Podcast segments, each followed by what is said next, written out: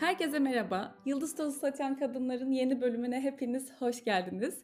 Ben birazcık heyecanlıyım çünkü kendim zaten çok hayran olduğum birini konuk aldım yine. Sanki biliyorsunuz hep şey diyorum. Ben bu programı sanki kendim konuşmak istediğim kişilere ulaşabilmek için yapıyormuşum gibi oluyor. Neyse ki siz de seviyorsunuz. E, Ceylan Atınç var karşımda kameranın diğer tarafında. Merhaba Ceylan Hanım. Önce çok teşekkür ederim katılmayı kabul ettiğiniz için. Hoş geldiniz. Nasılsınız? Hoş bulduk Gizem. Teşekkür ederim. İyiyim. Ee, bu pazar günü karantinada evdeyim. Ee, evet, yağmurlu. Evet, yağmurlu. Ee, güzel. Sesimle en azından birilerine ulaşabileceğimi düşünerek ben de heyecanlıyım. Süper. Çok mutlu oldum. Hemen ilk sorumla başlıyorum. Ee, sizi tanımayanlar için birazcık kendinizden bahseder misiniz? Nasıl anlatmak isterseniz. Tamam tabii. Ee, insanın kendi anlatması biraz tuhaf oluyor aslında ama evet. ben bunu yaparken hem biraz utanıyorum hem bazen bir şeyleri unutuyorum.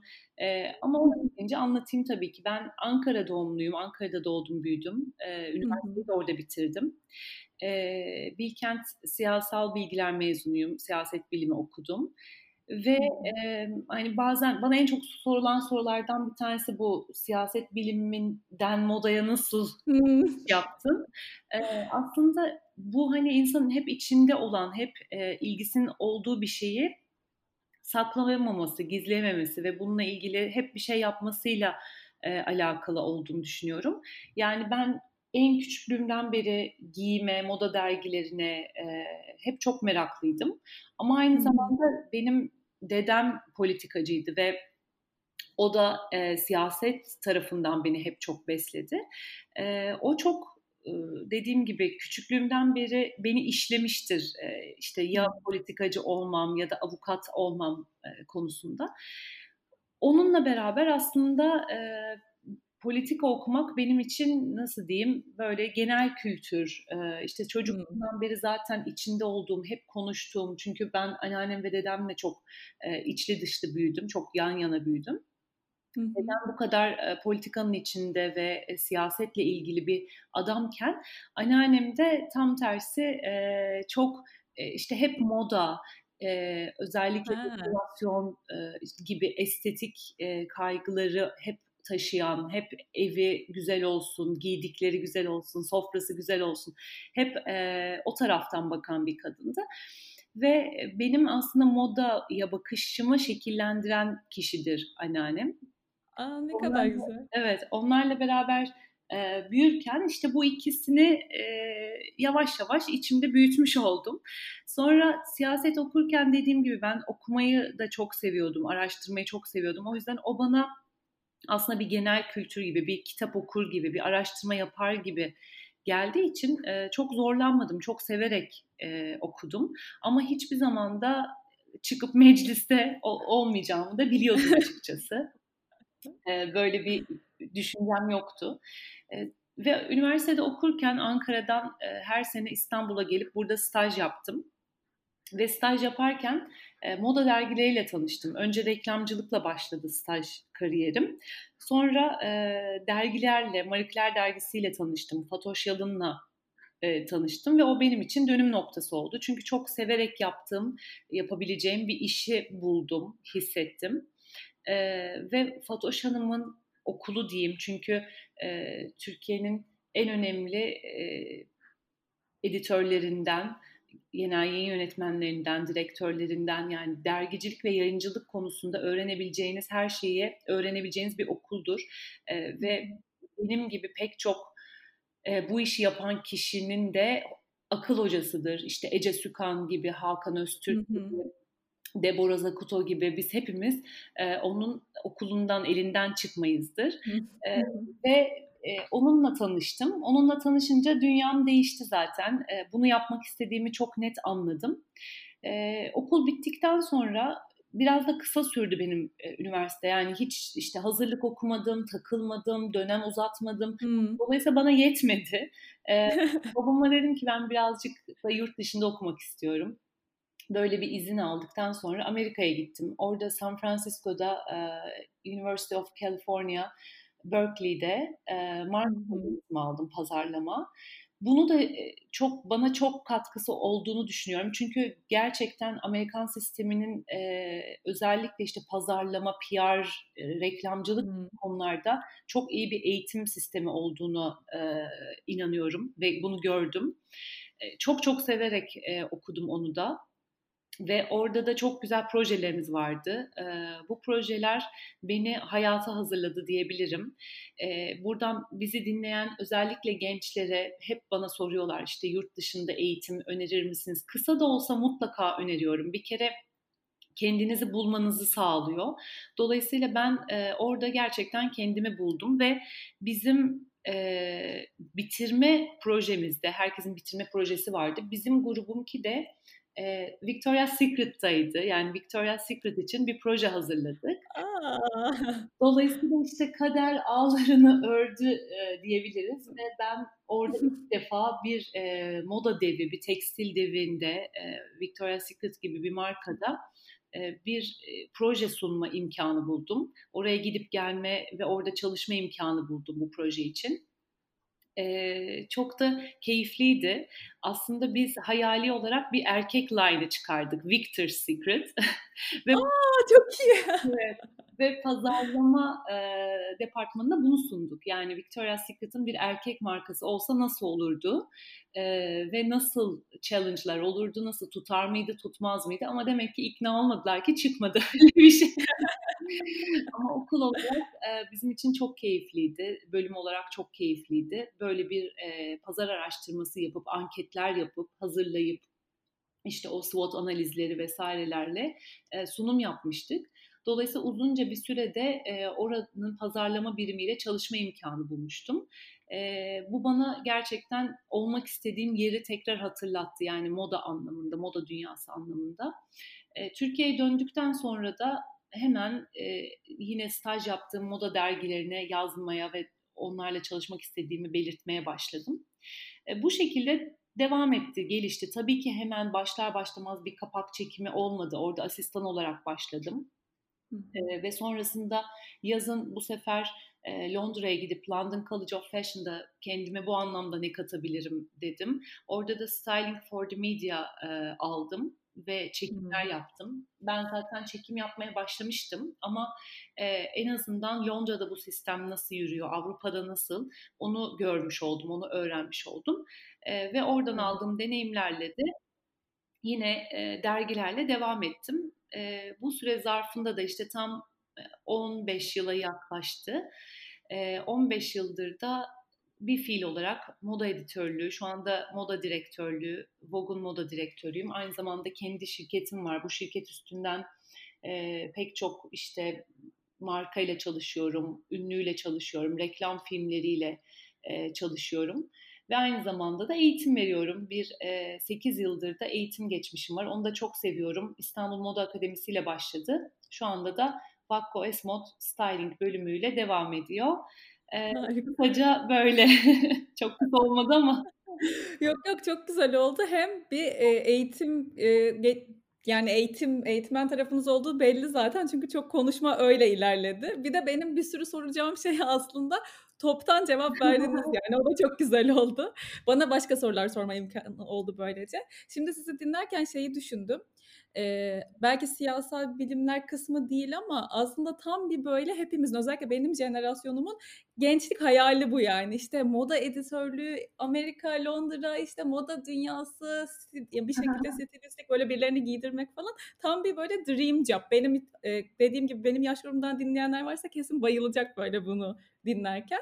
Bir de bu eğitim anlamında bahsettiğiniz aslında background sanki sizin modaya da bakış açınızı belki birazcık daha e, analitik, e, belki birazcık daha farklı bir m, tatta etkilemiş midir? Bana çok öyle geldi çünkü yani anlattıklarınızı dinlerken. Kesinlikle öyle Gizem. Zaten ben mesela bunu öğrencilerime de söylüyorum. Bazen e, kendilerini çok boşa harcanmış zaman geçmiş gibi hissediyorlar. İşte istemedikleri şeyi okumuşlar, istemedikleri yerlerde çalışıyorlar. Ama ben bunların hiçbir tanesinin boş olduğunu düşünmüyorum. Yani bizim aldığımız bütün eğitimler bizim background'umuzda, bizim geçmiş işte hayatımızda üstüne kata kata bir duvar örer gibi örülen bence e, bize katma değerler. Dolayısıyla e, bu herkes için farklı. Benim evet dediğin gibi işte çok okumak, çok analiz yapmak, çok fazla sunum yapmak, işte essay yazmak bunlarla bizim bölüm çok ilgiliydi. Ben bunların hepsinde mesela çok kolaylıkla bunları yapıyordum ama iş ne zaman işte ekonomi tarafına, istatistik derslerine gelse hep çok zorlanıyordum. Dolayısıyla şimdi moda editörlüğünde baktığımız zaman mesela ben her hafta minimum iki tane sunum hazırlıyorum e, mood board dediğimiz e, hmm. e, işin aslında e, ilham kaynağını gösteren e, sunumlar hazırlıyorum. Bunları büyük şirketlere, e, işte kampanya fotoğrafçılarına, yönetmenlere sunuyorum. E, dolayısıyla bu benim için aslında e, hem konuşma anlamında hem sunum yapma anlamında e, hem de e, bunu bir şekilde karşı tarafa geçirme anlamında tabii ki çok e, yararlı oldu. Ve diğer taraftan da yani genel kültür hiçbir zaman boşa gideceğini düşünmüyorum e, siyaset tarafında. Ki bu hani sadece Türk siyaseti değildi, dünya siyasetini de biz Bilkent'te okuduk. O yüzden e, mesela bir dönem olarak da düşündüğümüz zaman moda anlamında da bunu ilişkilendirebiliyoruz. Çünkü dünyada bütün moda trendleri aslında e, siyasal ve ekonomik e, olayların sonucunda gelişmiştir. Yani Birinci Dünya Savaşı, İkinci Dünya Savaşı gibi çok büyük e, siyasal olayların sonunda rahata çıktığı zaman bir takım akımlar ve güzel moda kıyafetler, e, güzel moda tasarımları, çok farklı e, araba ve dekorasyon tasarımları hep bu dönemlerde çıkmıştır. Ya da hı hı. büyük ekonomik buhran gibi e, dönemlerden sonra, işte 70'lerden sonra e, hep modaya baktığımız zaman aslında siyasetle ve ekonomiyle tabii ki çok ilgilidir. O yüzden e, muhakkak bana yardımı oldu. Kesinlikle. Şimdi siz söylerken e, mesela Corse'nin e, bir o dönem işte Victoria yanlış da söylemeyeyim çok da böyle şeyler aklımda tutamam ama Victoria dönemi işte kadınların evet. cinsellikle ya da seksle çok e, eşleştirdiği bir zamanmış. O yüzden korse giyiyorlarmış işte göğüsler patlatılıyormuş falan mesela aklıma o geldi. Enteresan yani her dönemin bizim kıyafetimize dönüp dolaşıp bir etkisi olması çok enteresan. Tabii Sizin mesela mini etek de öyle tamamen bu e, bir isyan sonucu çıkmış. Yani kadınların bir baş kaldırısının sembolü. Bikini dediğimiz zaman öyle yani e, işte e, Yves Saint Laurent'in ilk defa kadınlara smoking giydirdiği, daha maskülen e, bir alana yöneldiği ve bunu kadınlar tarafından benimsenip hayata katılması, işte pantolon aynı şekilde. E, aslında baktığımız zaman hani hep moda kadınlar için mi gibi ya da daha çok kadınlar e, tarafından mı e, yönlendiriliyor diye baktığımız zaman e, biraz öyle çünkü aslında bütün bu değişimler bir şekilde kadınlarla da başlıyor ya da kadınlarla ilerliyor. O yüzden de e, daha çok baskı altında olan kesim de olduğu için onların isyanı, onların başkaldırısı saçından, makyajından, görünümüne, ayakkabısından işte korsesine kadar her şeyi etkiliyor. Tabii doğru. Peki hangisini giydirmek daha keyifli? Erkek ve kadın olarak? Evet, aynen. Yani hangi? Ah, ya aslında şöyle mesela ben ikisini de seviyorum. Bazı e, editörler, bazı stylistler sadece kadın ya da sadece erkek üzerine e, çalışıyor. Ben ikisinden de hoşlanıyorum. Şu bakımdan erkek e, daha net, daha belki nasıl diyeyim oyun alanı daha kısıtlı ama çok benim çok hoşuma giden detaylar var ve bu detayları vurguladığınız zaman da aldığınız sonuç size çok keyif verebiliyor. Kadında ise o kadar çok detay var ki işte mesela saç, makyaj, aksesuar gibi bu detaylarda e, risk payı daha çok oluyor. Yani e, yanlış yapma durumunuz daha çok oluyor. Siz mesela çok güzel bir styling e, yapın, çok güzel bir kombin yapın. Saçı, makyajı her şeyi bozabiliyor ya da işte e, bir yanlış takı, çanta, aksesuar, çorap kullanımı bütün e, kombini e, tatsız bir hale getirebiliyor. Erkekte bu risk biraz daha az e, ve bence proporsiyon olarak da baktığınız zaman daha kolay toparlanabilir halde oluyor erkek giydirmek. Ve tabii daha az nazlı oluyorlar diye. Doğrudur. Peki şunu hiç bilmediğim için soruyorum. Şimdi mesela bir, eee, stilist ya da bir moda editör direktörü, eee, saçı, makyajı, işte, her şeyi o mu karar yani o mu seçiyor bunu yapacak insanları yoksa bunlar hep farklı kişilere delege mi ediliyor? Nasıl oluyor? şöyle, şimdi bu bir dergi çekimiyse, Hı hı. eğer bunu bir moda çekimi olarak, dergi çekimi olarak ele alıyorsak, burada patron çoğunlukla moda editörü oluyor. Yani, Hımm. eee, genel olarak mood'a ben karar veriyorum, işte, look'ları ben seçiyorum, modeli tabii ki fotoğrafçıyla ortak, eee, ama aynı dilde seçiyoruz. Yani burada, eee, çoğu şeye aslında stylist karar veriyor ama ben bir kampanya çekiyorsam, örneğin, emm, hani, yabancı bir marka örneği verelim, Armani kampanyası çekiyorsam tabii Hıı. ki Armani kadını, var ortada. Böyle bir vizyon var. Beklenti de var. Tabii ki, ve o vizyonun çevresinde kalmam gerekiyor. Ben Armani çekerken o kadını gidip Alexander Wang kadınına dönüştüremem stylist olarak saç Hımm. makyajla da. Eee, o yüzden o işlerde daha çok tabii ki patron, eee, müşteri oluyor ve, eee, sizinle beraber bu vizyonu ilerletmek istiyor. Yani siz orada katma değer, eee, koyuyorsunuz ama, eee, dediğim gibi çok sizden çok uç bir örnek istenmiyorsa, eee, bu anlamda orada farklı, bambaşka yaratıcılıklara da gidemeyebiliyorsunuz.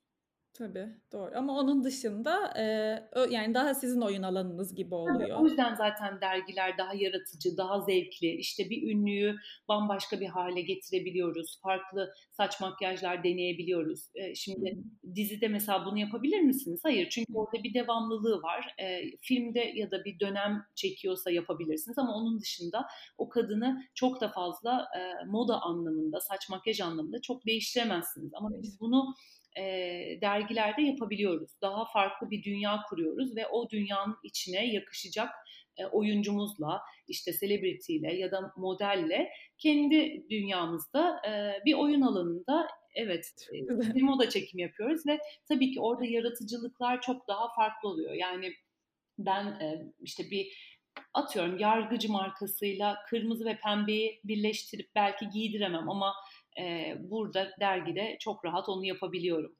Tabii. Bir de tabii şimdi sizin bu diğer alanlarda da bunca zamanlık tecrübenizden dolayı aslında birlikte ilerlemeyi sevdiğiniz zaten, hani, de bir kelimenizden ne dediğinizi anlayacak, işte, saç makyaj olsun artistler vardır. O da, hani, rahatlatıcı bir şey oluyordur sizin için. Belki yeni biri olsa Ya, ekip olarak, çok doğrusun. Bu da bize bazen eleştiri olarak geliyor. Hep aynı kişilerle çalışıyorsunuz. İşte, neden yeni kişilere, yeni, Hımm. yenilere, işte, yön vermiyorsunuz, onlara neden fırsat vermiyorsunuz gibi. Aslında veriyoruz, böyle bir şey yok ama, eee, riske atmak hiç istemediğin durumlar olabiliyor. İşte, makyajını yıllardır çalıştığın ve, eee, çok güvendiğin birine tabii ki teslim ediyorsun. Saç aynı şekilde. Çünkü burada hata payı kabul etmiyor. Mesela, Photoshop'la bazı şeyler düzeltilebilir ama bir saçın kıvrımı, bir kahkül bunları düzeltmek neredeyse mümkün değil. O yüzden de sette yapılan, eee, saç makyaj çok çok önemli. Hatta öyle makyajlar var ki Photoshop'a, eee, %100 yardımcı. Neredeyse hiç, eee, işte, retouch'a gerek, bıraktırmayan, eee, bunu bilmesi gerekiyor. Yani, her şeyin ışığı farklı. Şimdi günlük makyaj, ekran makyajı, sinema, eee, reklam, eee, dergi çekimi o kadar birbirinden farklı ki ve tabii ki cilt tipleri de öyle. Eee, ben bunu en iyi bilen make-up artistle her zaman ilerlemeyi, eee, tercih ediyorum. Ya da bazen saçta, eee, sen ne dediğini söylediğin an, eee, tıp diye seni anlayan, işte, eee, gerekirse yanında ek saç getiren, gerekirse, eee, orada hemencecik boyayıp kesebilen kuaför benim için çok çok önemli. Yani bunun bizim her gün gittiğimiz bir mahalle kuaföründen farklı olması gerekiyor bu anlamda. Hı hı. Hem hız hem de yaratıcılık bakımından gerçekten bu işler birbirinden çok farklı. Tabii. Evet, çünkü anında sorun çözebilmek de gerekiyor tabii o sırada. Tabii. E, o zaman belki yeni birisiyse bu, bu alanda ilerlemek isteyen, bu durumda anladığım kadarıyla yapabileceği en iyi şey asistanlık, değil mi? Yani, eee, farklı kişilerle, iyi isimlerle asistanlık fırsatı Aynen. ancak. Tabii. Yani bu stylist için de böyle, fotoğrafçı için de böyle. Her sette başka bir şey öğreniyoruz. Her sette farklı insanlarla çalışıyoruz.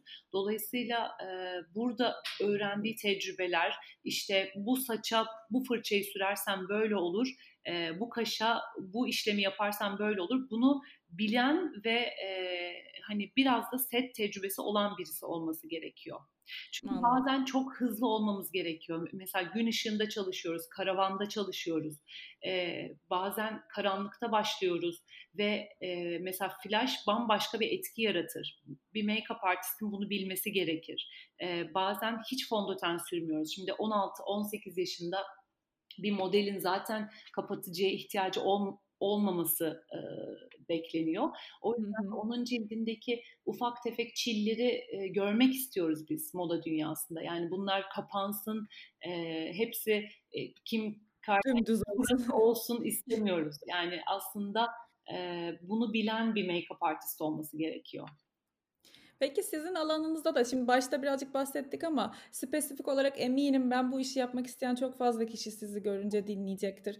Ee, ve artık çok fazla var. Her biliyorsunuz iş alanında o işi yapmak isteyen çok fazla var. Özellikle bu tarz hani medya ile alakalı işlerde.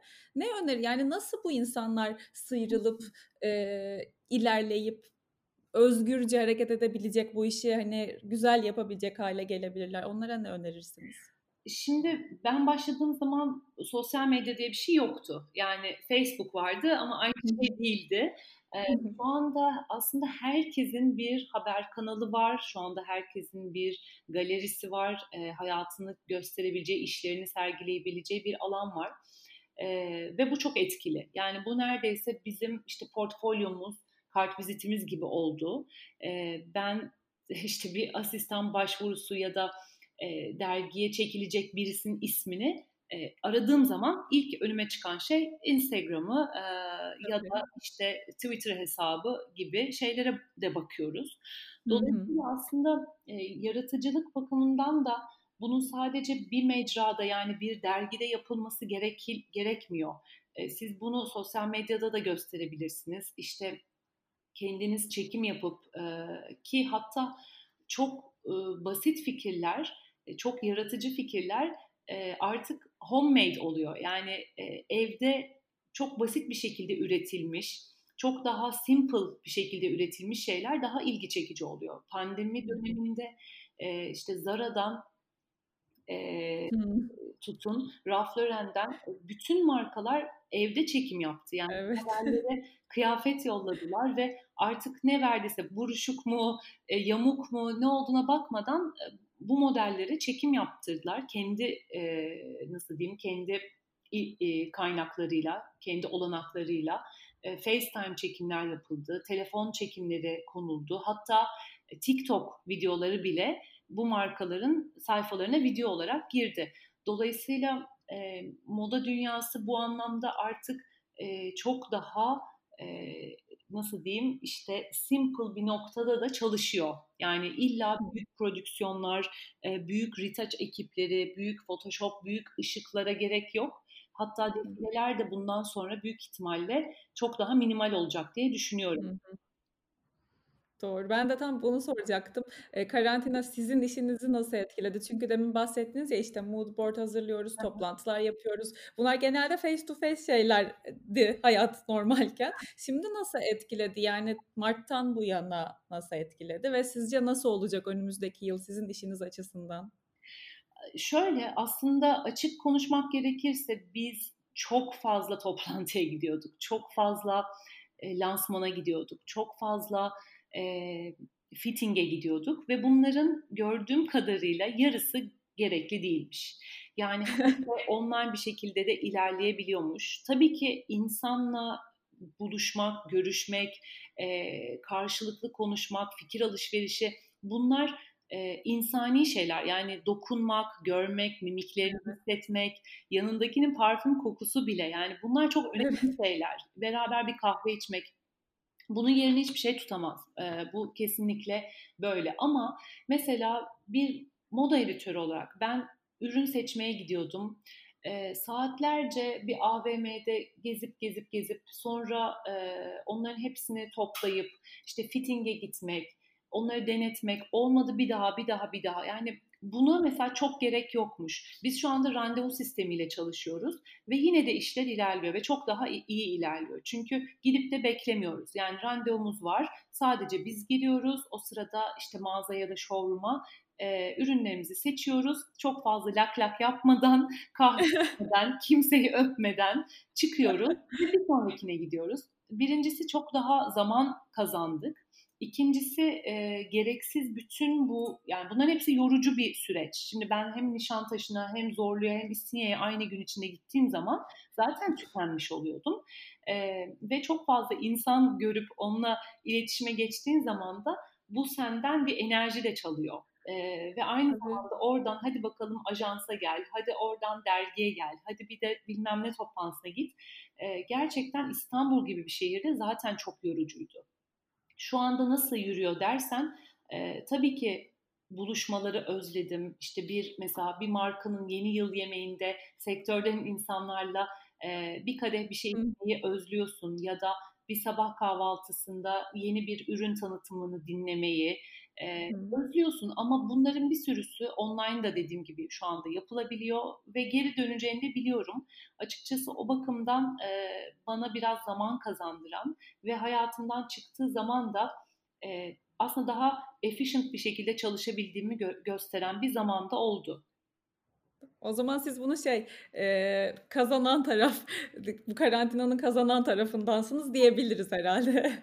E, bu bakımdan kazanan taraf e, neyi neyi bundan sonra yapıp neyi yapmayacağımı çok iyi biliyorum. Yani hmm. boşuna zaman en önemli şeyimiz ve ben öğrencilerimde de görüyorum. E, Türk insanında eksik olan şey aslında disiplin değil. Türk insanında eksik olan şey time management, zaman yönetimi.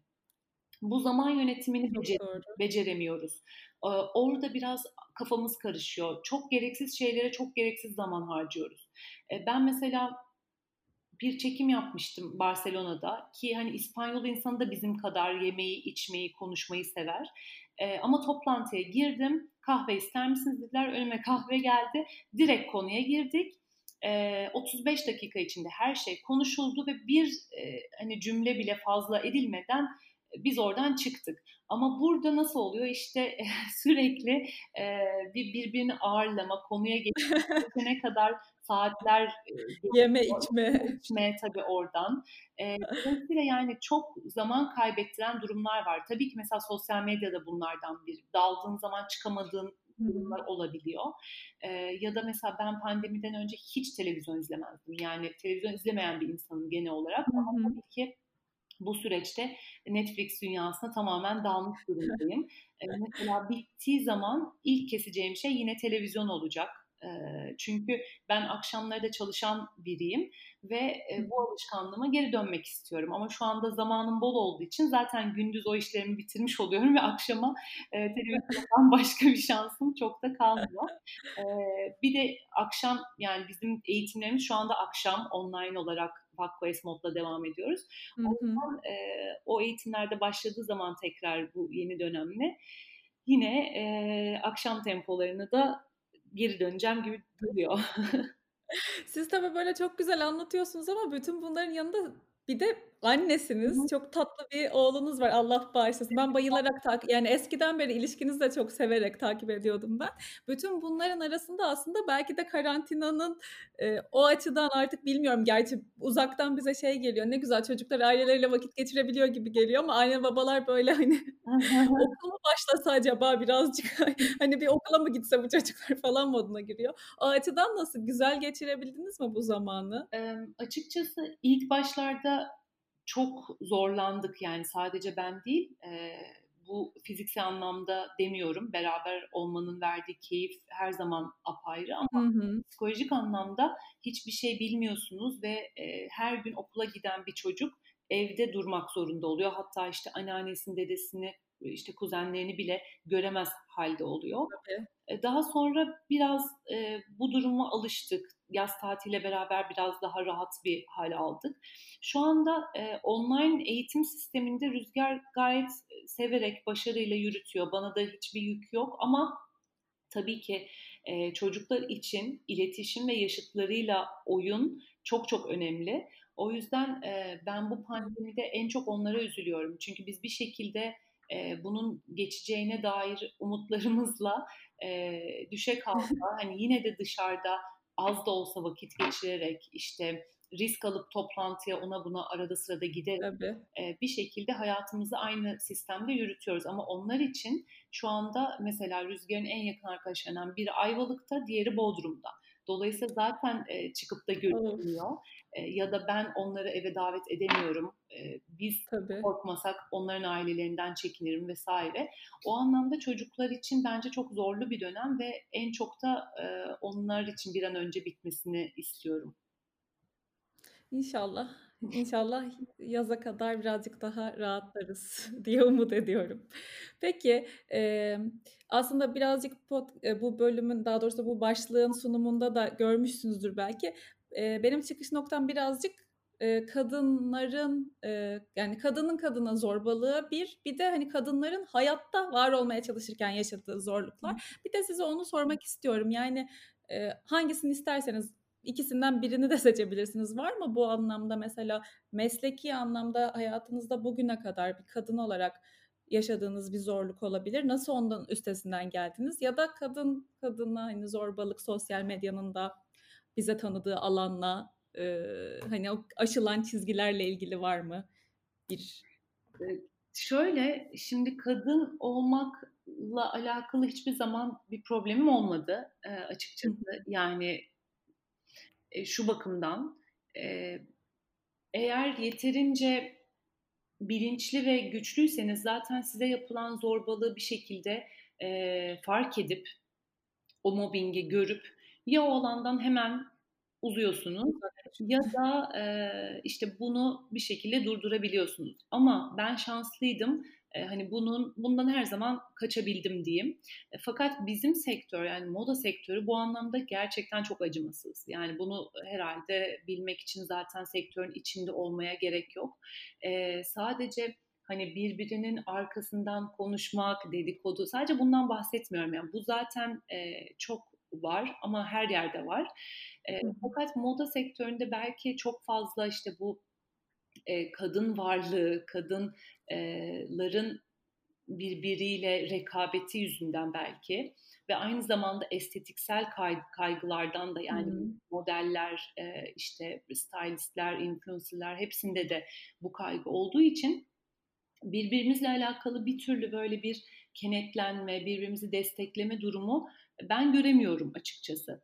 Dünyaya baktığımız zaman da nedense, eee, kadın tasarımcılar çok daha azınlıktaydı her zaman. Yani, eee, kadın modasını hep Hı hı. erkekler, yani, eee, cinsiyet olarak erkekler ya da gay de ama sonuçta, eee, hep onlar sanki yönetiyor gibiydi. Kadınlar daha arka planda, 2'nci planda, işte, 3'üncü planda mesela Karl Lagerfeld, eee, Hı hı. bilmem kaç sene Chanel'in başındaydı.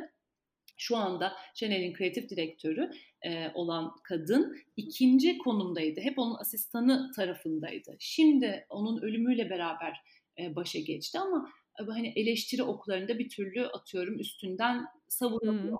Eee, bu anlamda baktığımız zaman, hani, kadınların hep böyle daha kolay, daha kırılgan olduğunu da, eee, belki görebiliyoruz ya da, işte, bu tür ayak kaydırmaların vs.lerin kadının kadına yaptığını da çok sık görebiliyoruz.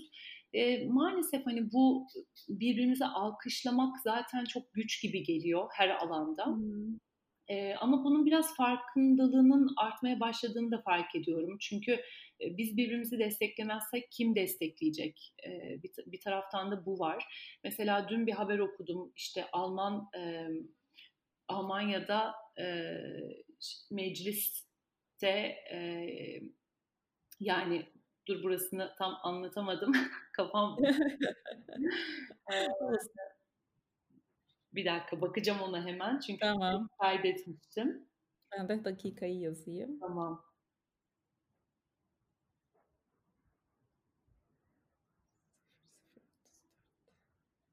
Hah. Tamam. Mesela dün bir haber okudum Almanya'da 2000'den fazla çalışanı olan halka açık şirketlerde yönetim kurulu üye sayısı 3'ü geçiyorsa birinin kadın olması zorunlu kılınıyor artık. Bu yasa Hımm. e, dün itibariyle yürürlüğe girdi. E, bu tabii ki kadını çok destekleyen bir şey. Yani kadınların da yönetici pozisyonunda yükselebilmesini e, sağlayan bir şey. İşte bu tür yasaların Türkiye'de de olması gerektiğini, desteklenmesi gerektiğini düşünüyorum. Bu bir zorunluluk olarak olursa gerçekten kadının iyi yerlere gelebileceğini düşünüyorum ve yönetici olarak da aslında çok daha pratik ve mantıklı kararları hızlı alabilecek kişilerin de e, kadınlar olduğunu Kesinlikle.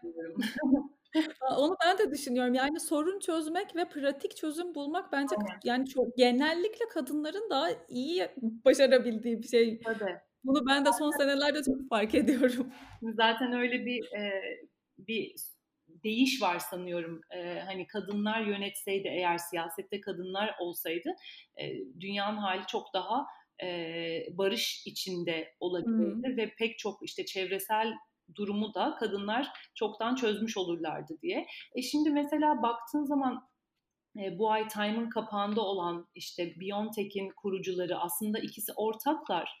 E. Türk kökenli Alman Uğur e, ve Özlem Şahin. Ama hani burada bile Türkiye'de mesela bu haber verilirken Uğur Şahin ve eşi olarak geçti ya. Yani bu aslında zaten bizim kadına verdiğimiz kadına bakış açımız. Yani birisinin eşi olmak, onu sanki mutfakta desteklediği gibi laboratuvarda desteklemiş hissi. Yani bunu buna çok karşıyım. Bu sadece feministik olarak bakmayalım. Gerçekten bu tarihe bu kadının adının geçmesi gerekiyor. Birinin eşi olarak değil. Kesinlikle. Bu da işte sanırım bizim böyle günlük yaşantım hani e, gücümüzün yetmeyeceğini düşünüyoruz bu tarz değişiklikleri ama siz ne düşünüyorsunuz bu konuda? Yani biz günlük yaşantımızda belki söylemlerimize dikkat ederek bile hayır eşi değil adı soyadı diye belki başka örneklerde de hani e, bahsederek ya da e, ben böyle düşünüyorum. Yani siz ne düşünüyorsunuz? Nasıl biz en basit sıradan insan yaşantımızda bu e, ülkemizde ve de Türkiye'de özellikle bir fark yaratabiliriz kendi adımlarımızla? İşte bu bakış açısını değiştirdiğimiz sürece ki ben yeni nesilde bunun olabileceğini görüyorum. Çünkü çok daha eşitlikçi bir bakış açıları var. Ben kendi oğlumda da mesela okulda ya da WhatsApp grubunda yazışmalara bakıyorum. Hı hı. Zamanımızda da böyle bir hani kızlara bir küçümseyici ya da utandırıcı davranışlar vardı ya lisede, ortaokulda. Onların pek olmadığını görüyorum. Yani çok daha eşitler o konuda. Yani bir kız arkadaşa cinsiyet tarafından bakmıyor, cinsiyetçi olarak bakmıyor. Gerçekten onunla e, tıpkı bir erkek arkadaşı gibi, tabii ki oyundan bahsetmiyorum gidip de futbol oynamakta ama sınıfta ya da WhatsApp'ta e, gruplarda konuşurken aynı şekilde davrandığını, aynı şekilde birbirleriyle iletişim kurduklarını ve bunu, bunun hiçbir şekilde bir zorbalık ya da küçümseme e, ya da sen kızsın ben erkeğim sen bebekle oyna gibi davranış içermediğini görüyorum. Bence onların e, jenerasyonda bunun hiçbir önemi yok. Hatta geçen gün mesela bu gamerlarla ilgili bir şey konuştuk. Ben de Rüzgar'a sordum hiç kız, kadın, kız gamer yok mu diye. Hı hı. E, o da bunun üstüne e, olduğunu işte hatta bazılarının çok daha başarılı olduğunu işte YouTube'da çok daha güzel anlattığını vesaire bunlardan bahsetti. Ee, yani demek istediğim o ayırmıyor kız YouTuber ya da erkek YouTuber diye ayırmıyor. Ee, ben Evet. biraz o bakış açısı maalesef bize e, toplumsal bir baskı da getirmişti. Yani bu, bun, bunların getirdiği bir durum da var. E, bunları yıkabildiğimiz sürece, bunlara dur diyebildiğimiz sürece işte tıpkı bu sosyal medyada e, Uğur Şahin'in eşi değildir, onun bir adı ve soyadı var ve bunu da yazacaksınız dedikten sonra e, buna dikkat etmeleri gibi aslında e, çok kolay farkındalık yaratıp e, bu anlamda da destekleyebiliriz. Ama baktığımız zaman her gün zaten bir maalesef kadına şiddet ya da taciz ya da e, işte çok daha tuhaf olayların olduğu bir ülkeyiz. Umarım bunların e, biraz olsun ben basında ve sosyal medyada duyurulması gerektiğini de düşünüyorum ki e, farkındalık artsın. Hayvanlarla da ilgili aynı şekilde tabii. Tabii. Ya, siz üzerinize düşeni fazla fazla yapıyorsunuz zaten. Aslında herkes birazcık böyle bakabilse Tabii, tabii sizin şimdi Rüzgar'la ilgili verdiğiniz örnekte, eee, Rüzgar tabii ki çocukların da bir kendi, hani, hamuru oluyor ama ya, anne babanın Tabii etkisi ya ki. da bakım veren kişinin etkisi hiç yadsınamaz bir şey. Bu da sizin aslında siz çok büyük bir şey yapıyorsunuz. Z kuşağından, yani, aslında dünyayı değiştirecek olan kuşaktan birini Evet, kadınla erkek eşittir. Yani, sen bunu, hani, böyle düşünmelisin, emm, şeyini havaya vererek, eee, onu solumasını sağlayarak öyle bir insan olarak yetiştiriyorsunuz. Bu çok güzel bir şey. Aslında bütün annelerin de, hani, bu bu bakış açısına birazcık belki sahip olması, okuması, araştırması, yani, aslında bilerek Evet. bunu yapmaktan bahsediyorum. Onu da bence çok önemli. Yani, bilgi sahibi olarak, eee, fikrini söylemek bence çocuğa da her zaman çok önemli Çok önemli. sanki. Yani, bu mesela ben şimdi okullarda da görüyorum. Eee, Rüzgar'ın eğitimiyle ilgili pandemide mesela bir, eee, rehberlik eğitimi oldu ve, hani, evde annemize, babamıza nasıl yardım etmeliyiz? Eee, bunu mesela anlattılar ve burada hem kızlar hem erkekler, eee, gördüğüm kadarıyla online eğitimde, eee, kameraları açık bir biçimde çorap katladı. İşte, Ya. eee, şeyleri ne denir, yani, çorapları çiftleştirip bulup o onları, işte, iç içe koyup güzel bir şekilde renklerine göre yerleştirdiler. Eee, bir sonraki hafta, eee, yastıkları kılıflarına geçirdi. Hani, belki çarşaf ya da yorgan çok daha zor ama yastık geçirebilirsiniz.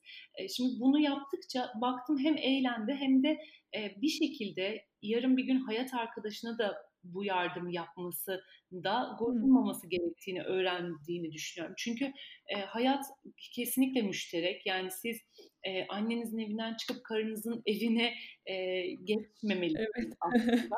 O yüzden biraz, işte, yurt dışında bu, ııı, özellikle mesela kuzey ülkelerinde benim gördüğüm çalışan anne, bebek bakan baba, eee, bize böyle hı. tuhaf gelse de aslında hiç değil. Yani burada, eee, dediğiniz gibi hayat müşterek. O 9 ay taşıdı. Belki şimdi o biraz dinlenecek ya da o biraz çalışacak ve baba da tabii ki bu işin 2'nci tarafı olarak ona yardım edecek. Yani baktığın zaman çok doğal bir, eee, gereklilik. Umarım bunun farkına birazcık, eee, gençler farkına varır ve kadınlar sadece, hani, bu kadar çok omuzlarına yük bindirilmiş, eee, olan bireyler olarak görülmekten de vazgeçer geçerler diye düşünüyorum. Kesinlikle, evet. Peki, o zaman birazcık daha, eee, değişik sorularıma geçiyorum. Şimdi, bunu hep birine sormak istemişimdir. Şu an iyi ki siz varsınız, size soracağım. Dolabınızın vazgeçilmez 3 parçası nedir? Valla kendi adıma düşünüyorum. Dolabımın vazgeçilmez 3 parçası.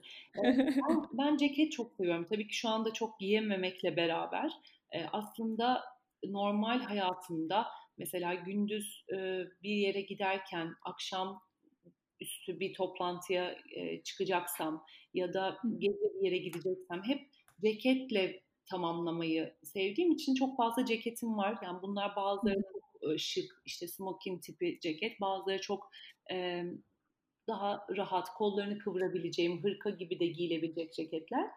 E, benim için ceket, jean, eee, ve gömlek diyebilirim aslında. Gömlekte kastım böyle çok, emm, hani, erkek tipi gömlek değil de, eee, mesela yakaları daha farklı, emm, kolları daha farklı, manşetleri daha farklı, böyle biraz, eee, oyunlu gömlekler çok seviyorum ben. Bazen böyle mesela sırtı açık, Hıı. omuzu açık ya da böyle, eee, asimetrik gömlekleri çok çok seviyorum. Onları tek başına ya da, işte, ceketle yine kombinlemeyi sevdiğim için onlardan da oldukça fazla var galiba. Peki, mesela sizin, eee, sevdiğiniz ya da sizin giyindiğiniz tarzın hep, hani, böyle nasıl bırakıyorsunuz? Değişken midir yoksa stabil, hani, benim tarzım şu, şöyleyim falan gibi bir şey var mı? Ya, aslında benim bir stilim var. Şu bakımdan, ben çok fazla, eee, trendlere ya da akımlara inanmıyorum. Onun biraz, eee, bizim tarafımızdan. Yönlendirilebildiğine inanıyorum. O yüzden, eee, çok çılgın bir alışveriş yapmam. Yani o ay bir ayakkabı çıktı, küt burunlar moda oldu diye gidip küt burun almam hiçbir zaman. Eee, o yüzden de, hani, bu tarzı birazcık kendimde düşünüp bu bana uyuyor mu, ııı, uymuyor mu beğen çünkü bazen beğenmediğiniz bir şey sonradan beğenme durumu tabii ki olabiliyor Hımm. gözümüz alıştıkça. Eee, ama bunun için kendimi zorlamıyorum. Yani mesela ben babet sevmem. Ayaklarım Hı da hı. çok küçük olmadığı için babetin gerçekten böyle küçük ayaklı, çok incecik, düzgün bacaklı kadınlarda sadece güzel durduğunu düşünüyorum. O yüzden de hiçbir zaman giymemişimdir. Eee, ayağımı daha büyük, Hımm. gösterdiğini düşünüyorum. Çok, eee, rahat da olmadığını düşündüğüm için ben, hani, bunu hiçbir zaman, a alacağımı düşünmüyorum açıkçası. Benim tarzımın bir parçası, eee, dediğim şeyler zaten genellikle daha uzun soluklu oluyor.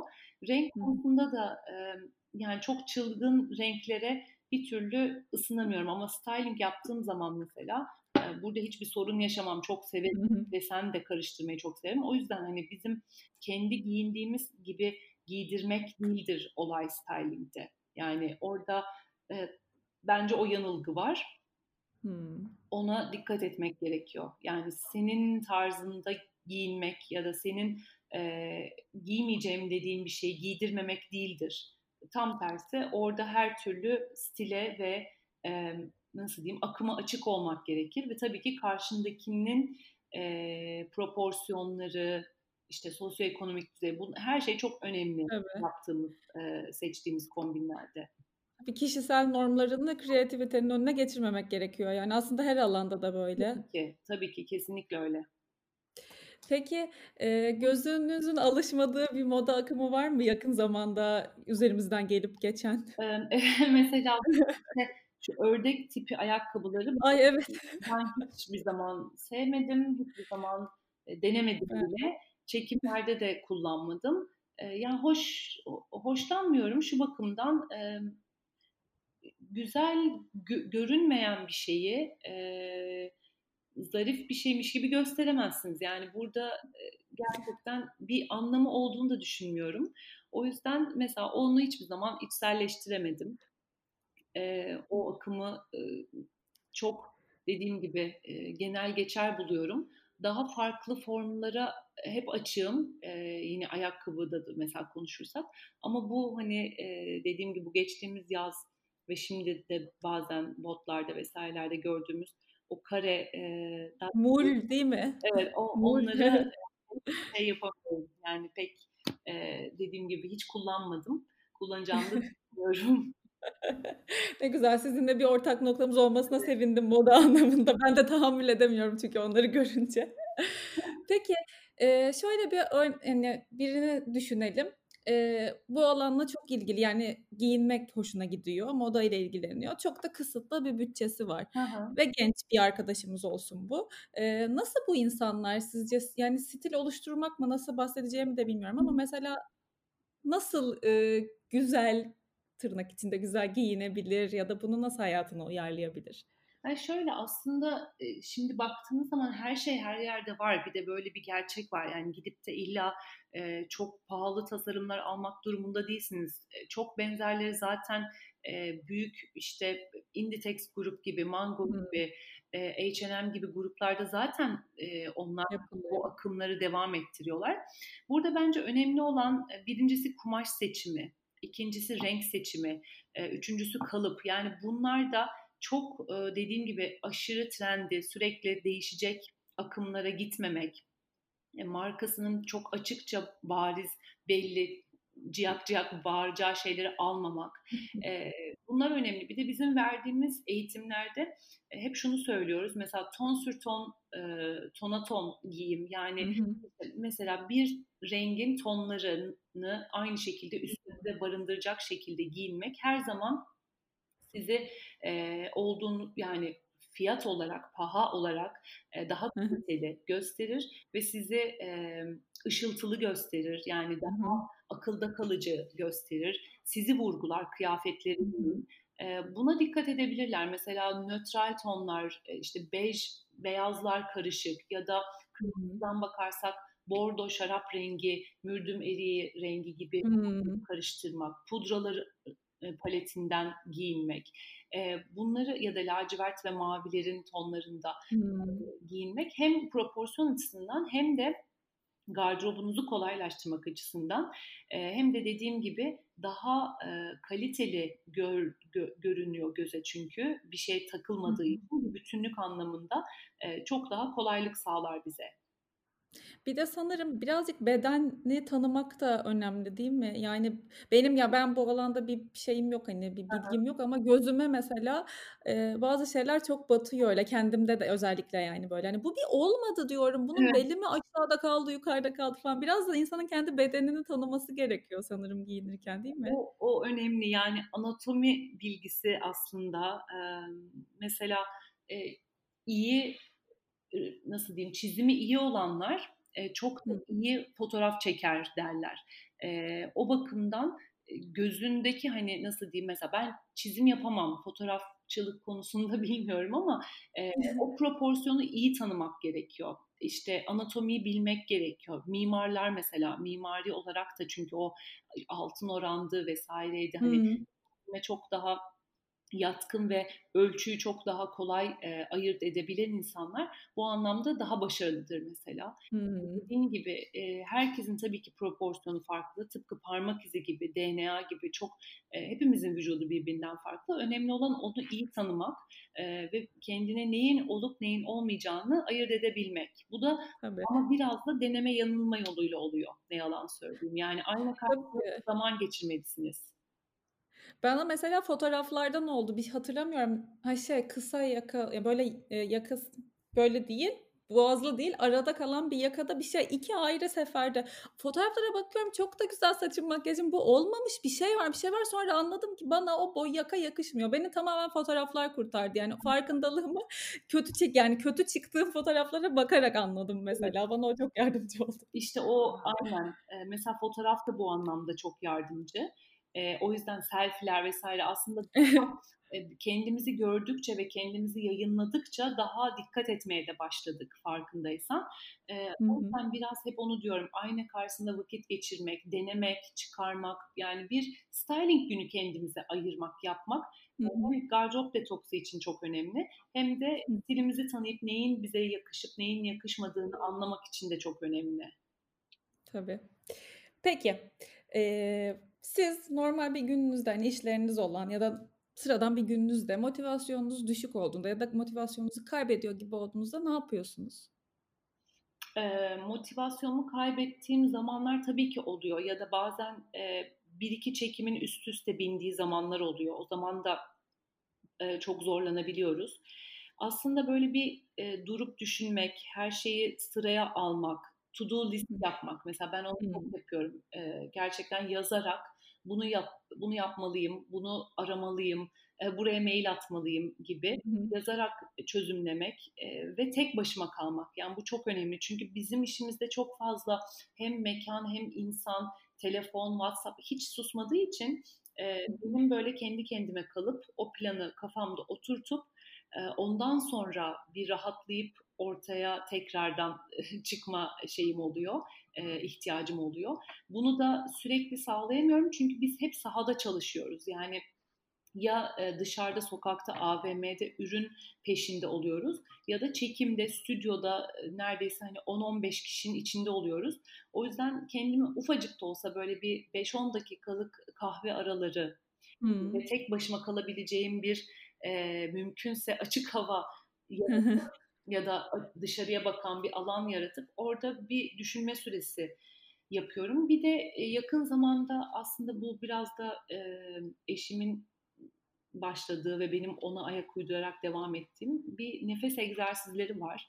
Mesela o da çok geliyor. Çünkü bir 5 dakika hiçbir şey düşünmeyip sonra tekrardan daha sakin, eee, nefesinizi ve, işte, vücut ritminizi ayarlamış bir şekilde hayata dönüyorsunuz karmaşanın içine. O bana yardımcı oluyor. Başta dalga geçiyordum, eee, "Hadi." falan or oradan. Eee, ama gerçekten yardımcı olduğunu görüyorum. Yani bir çeşit, eee, meditasyon gibi. Çok kısa da olsa bunu yapabileceğiniz alanlar oluyor.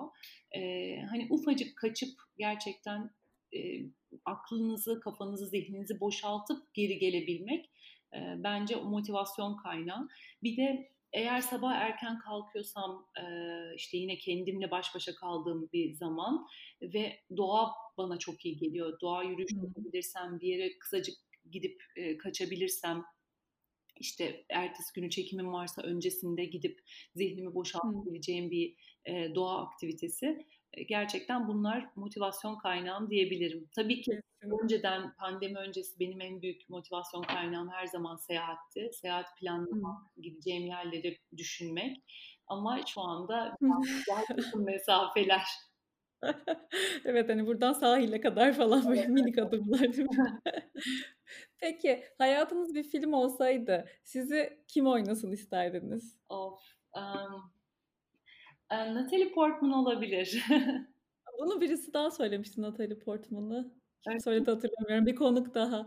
Ben direkt Audrey Hepburn derdim. Benim için yani mi? size evet kendim için demek isterdim ama size tam derdim yani. Siz ya, direkt Audrey Hepburn derdim. E, yaşayan birisini düşündüğüm için Audrey Hepburn bizim e, hep örnek gösterdiğimiz hem yaşam tarzıyla e, hem de gerçekten bir stil ikonu olarak baktığımız zaman bu kadar naif e, ve hani düzgün yaşayan birisinin de stil ikonu olması biraz zor gibi gelir ama e, özellikle verdiğimiz örneklerin başında geliyor. O yüzden gurur duydum. Teşekkür ederim.